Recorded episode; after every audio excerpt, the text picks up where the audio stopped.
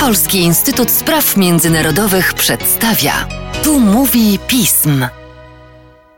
Szanowni Państwo, przy mikrofonie Mateusz Józwiak, a wraz ze mną nasz ekspert, analityk do spraw Francji, Łukasz Maślanka. Cześć Łukaszu. Cześć. Stany Zjednoczone, Wielka Brytania i Australia podpisały 15 września porozumienie obronne znane jako AUKUS, zakładające zacieśnianie współpracy technologicznej głównie w obszarze bezpieczeństwa militarnego. AUKUS ma za cel poprawę bezpieczeństwa w regionie Indo-Pacyfiku, jednak wygląda na to, że porozumienie ma być przede wszystkim odpowiedzią na rosnącą i umacniającą się pozycję Chin. Podpisanie porozumienia ma też znaczący wpływ na gospodarkę, przekonali się o tym Francuzi. O czym mam nadzieję trochę szerzej nam opowiesz. Tak, mówi się już o tym, że AUKUS ma dwóch wielkich przegranych. Y, pierwszym przegranym są Chiny, przeciwko którym zwrócony jest ten sojusz, a drugim przegranym jest Francja, która w 2016 roku zawarła kontrakt na budowę 12 konwencjonalnych okrętów podwodnych dalekiego zasięgu y, z Australią. Y, okręty te miałyby być budowane w Australii, i ten kontrakt został właśnie zerwany, ponieważ Australia stwierdziła, że woli gwarancję bezpieczeństwa ze strony Stanów Zjednoczonych i zamówienie u tego państwa nuklearnych okrętów podwodnych. Czy AUKUS grzebie nadzieję Macrona na lepszą współpracę z administracją Bidena? Jak francuskie elity polityczne zareagowały na nieoczekiwany manewr Stanów Zjednoczonych, Wielkiej Brytanii oraz Australii? Obszar Indo-Pacyfiku jest bardzo ważny dla Francji. Kilka lat temu Francja przedstawiła swoją własną strategię działania na tym obszarze.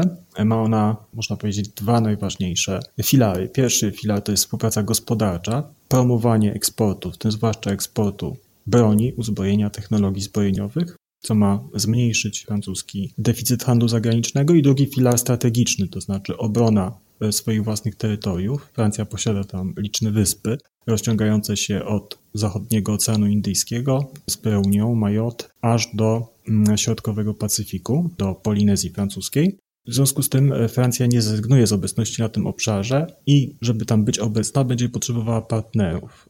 Od początku prezydentury Joe Bidena, a w zasadzie jeszcze przed jej początkiem, Francja podejmowała dość intensywne zabiegi lobbyingowe, by zyskiwać poparcie administracji amerykańskiej dla swoich celów. Na przykład e, w Atlantic Council powstało specjalne centrum zajmujące się promowaniem interesów Zjednoczonej Europy, tak jak je rozumie Francja. Francja chciała uzyskać od Stanów Zjednoczonych zgodę na swoje rozumienie koncepcji autonomii strategicznej Europy, czyli wzięcie przez Unię Europejską odpowiedzialności za swoje bezpieczeństwo niezależnie od Stanów Zjednoczonych. W zamian za to chciała zaoferować Stanom Zjednoczonym współpracę na obszarze Indo-Pacyfiku.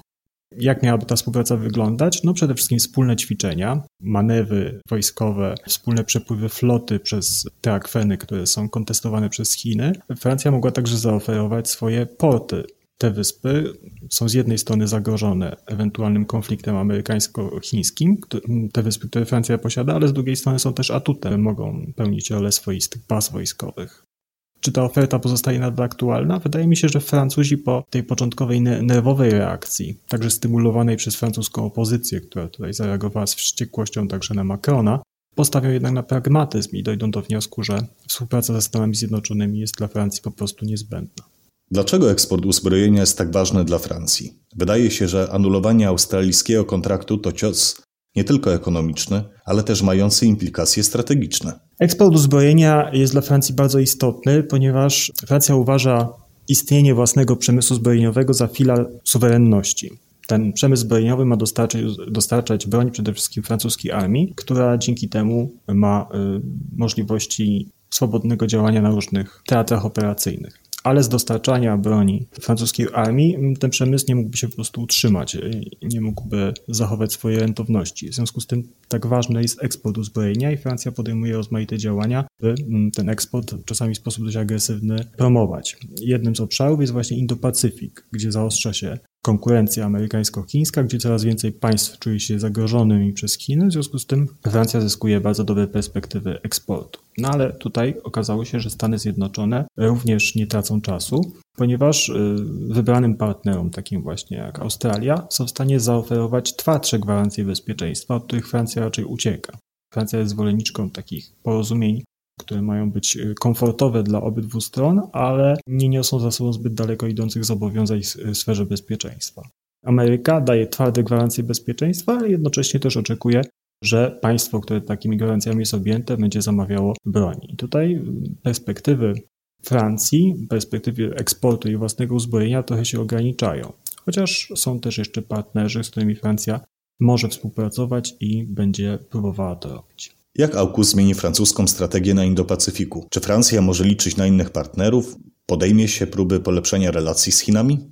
Wydaje się, że teraz najważniejszym partnerem dla Francji na tym obszarze staną się Indie. Indie są mocarstwem nuklearnym, w związku z tym nie potrzebują takich twardych gwarancji bezpieczeństwa, nie chcą się uzależniać od sojuszu tylko z jednym państwem. Indie utrzymują dobre stosunki z Rosją i z Stanami Zjednoczonymi jednocześnie, ponieważ za swojego głównego rywala uważają Chiny. I tutaj ta współpraca francusko-indyjska jest bardzo perspektywiczna. Ona ma wymiar strategiczny, to znaczy armie obydwu państw, floty francuskie i indyjskie ze sobą współpracują. Z drugiej strony Indie zamawiają bardzo duże ilości broni we Francji. Zarówno chodzi o samoloty, okręty.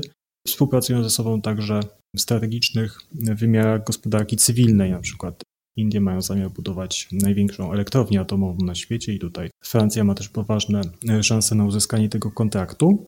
W związku z tym e, rzeczywiście partnerstwo indyjsko-francuskie, jako partnerstwo takich dwóch państw, które nie szukają twardych sojuszy, które chcą zachować pewną niezależność od tej rywalizacji amerykańsko-chińskiej jest najbardziej perspektywiczne. A z drugiej strony Francuzi na pewno nie, nie odstąpią od tej próby szukania porozumienia ze Stanami Zjednoczonymi, zacieśniania relacji gospodarczych z Japonią, chociaż tutaj jest bardzo duży problem deficytu handlowego po stronie Francji, i z państwami ASEAN. Tutaj duże perspektywy mają produkty francuskiego przemysłu lotniczego i także okrętowego. Dziękuję Łukaszu za dzisiejszy podcast. Dziękuję. A Państwa zachęcam do śledzenia naszej strony internetowej, w której możecie przeczytać najnowsze biuletyny i komentarze. Zachęcam do słuchania podcastów. Do usłyszenia.